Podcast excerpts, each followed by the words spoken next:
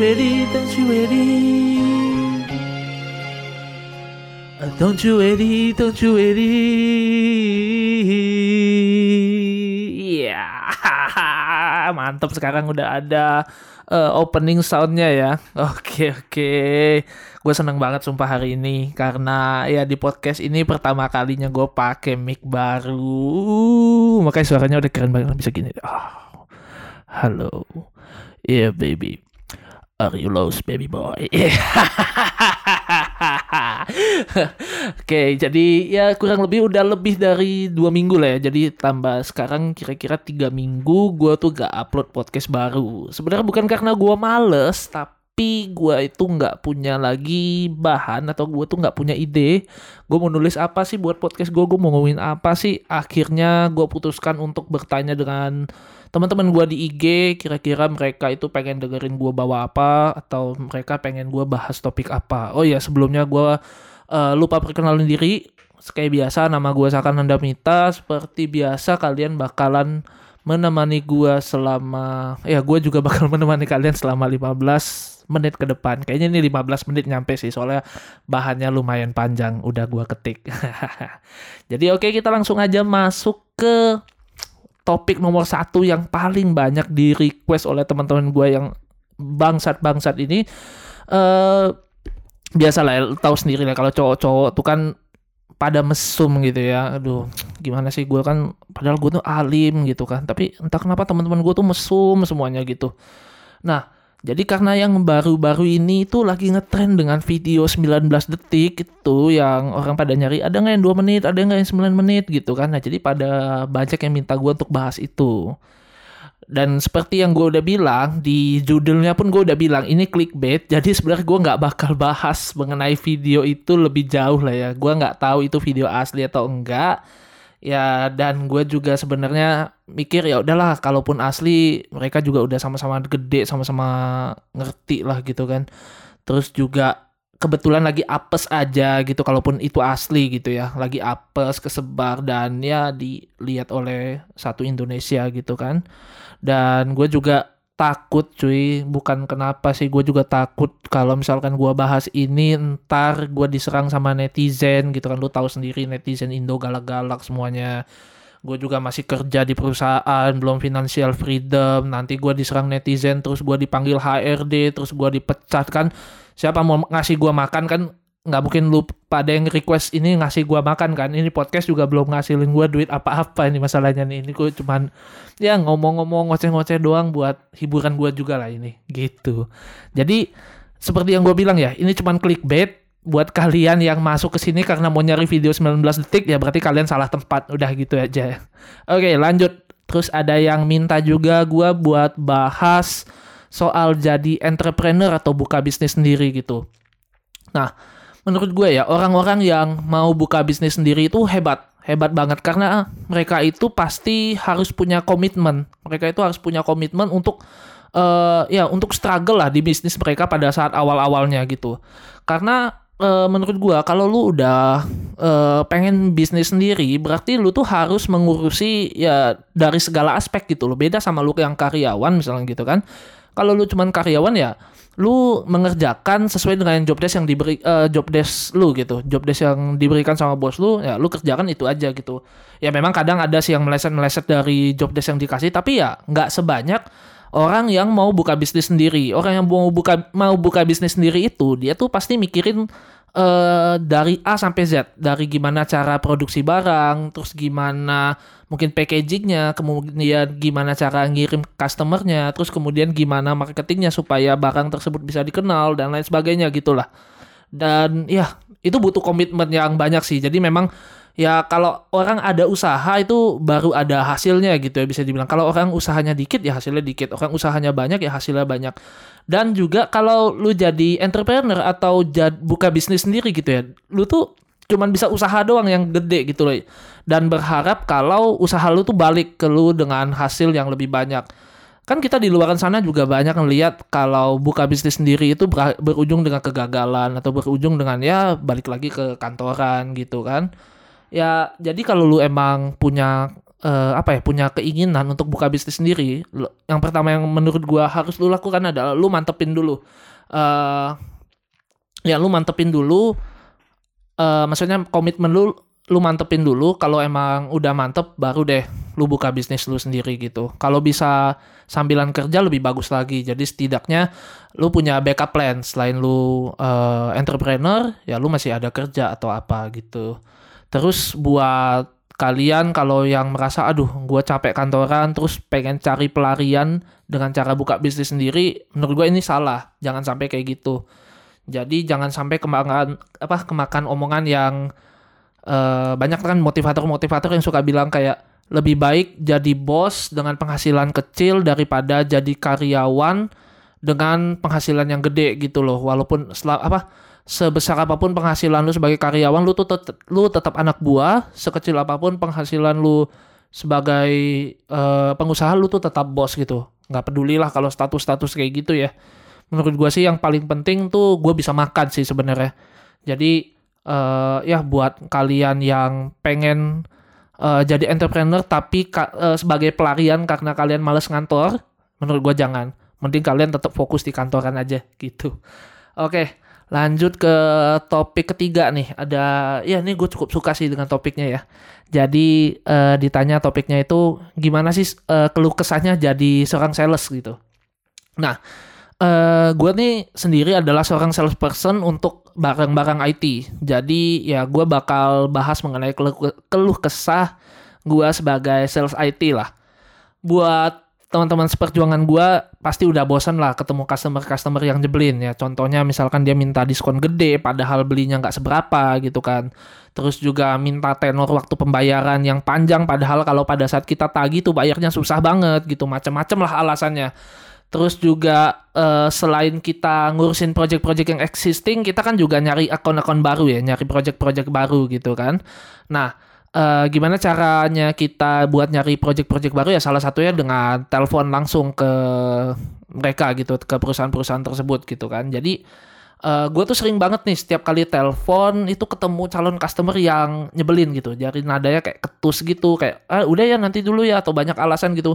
Nanti ya gue lagi meeting atau uh, apa ya maksudnya kayak langsung bilang udah email dulu aja gitu. Gue sih uh, sebel karena gue yakin email yang gue kirim tuh nggak bakal kalian cek.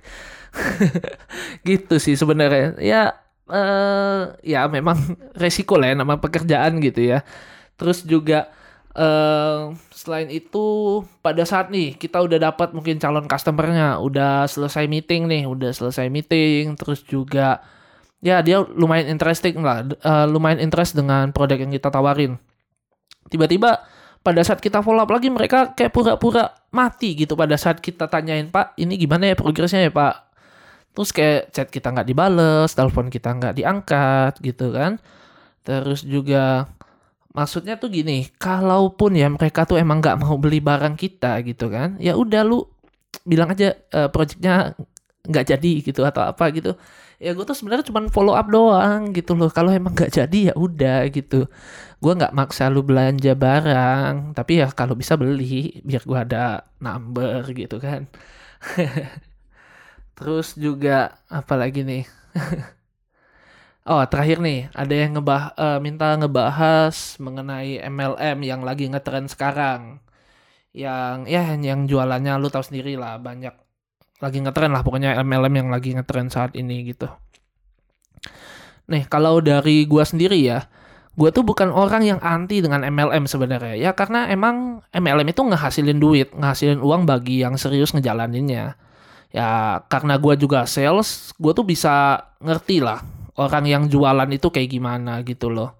Orang yang join-join MLM ini gue punya empati lah sama mereka gitu. Karena ya gue juga uh, seller gitu gue juga penjual nah menurut gue kesalahan yang dilakukan oleh orang-orang yang join MLM ini adalah mereka itu suka menawarkan barangnya ke teman-teman mereka yang tidak membutuhkan. Nah ini sih sebenarnya nggak salah ya, maksudnya mungkin kadang mereka bukan nggak butuh, tapi nggak tahu kalau mereka butuh gitu ya. Oke, okay, oke, okay, ini masih ada justifikasi ya. Tapi alasan yang dibikin untuk mereka ketemuan dengan teman yang tidak membutuhkan barang tersebut adalah bilangnya kayak gini nih. Eh bro, uh, lama ya nggak ketemuan nih? Yuk ketemuan yuk gue kangen sama lu misalnya kayak gitu kan.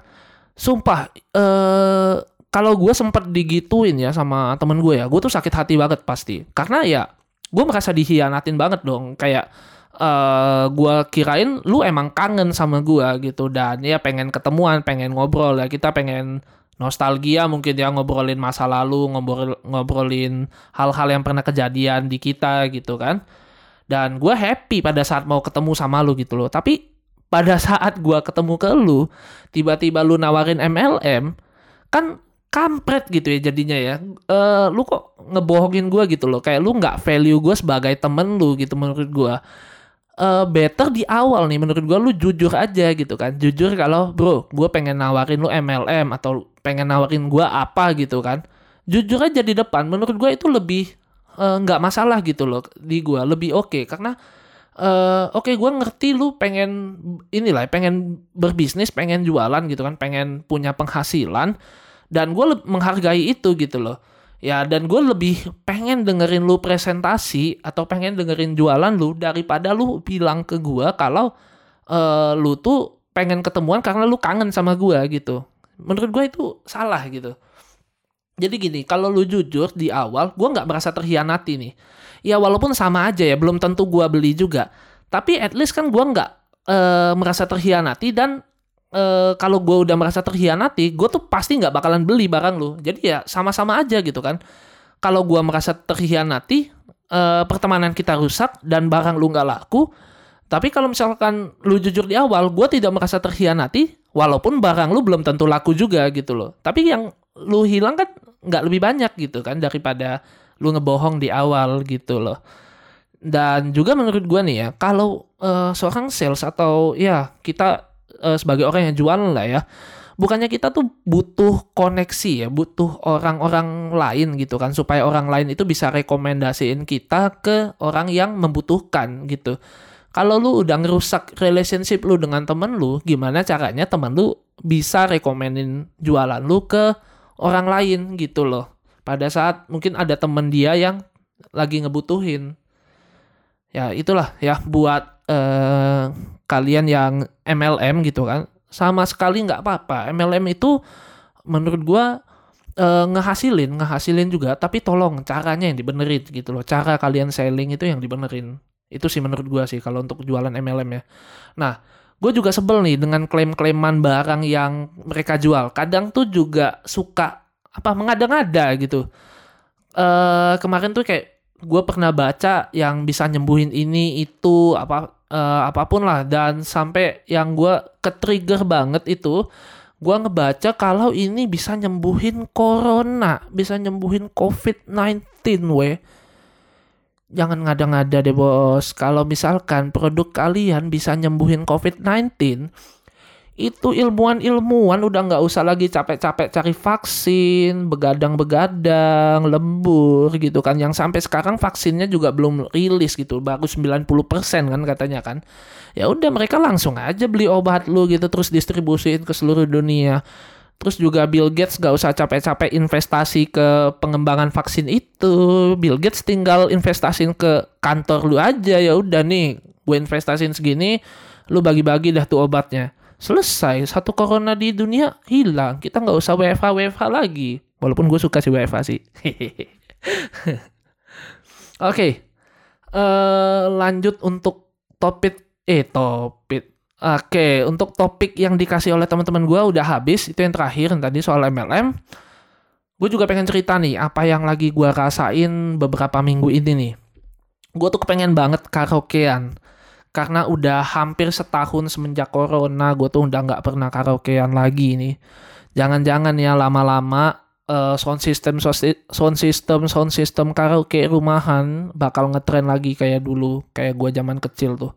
Jadi di rumah gue tuh masih ada tuh uh, laser disc player. Kalau kalian nggak tahu laser disc laser disc itu bentuknya uh, VCD cuman ukurannya segede piringan hitam jadi fungsinya tuh sama kayak VCD buat muter-muterin video klip gitu kan, lagu-lagu Hokkien gitu kan.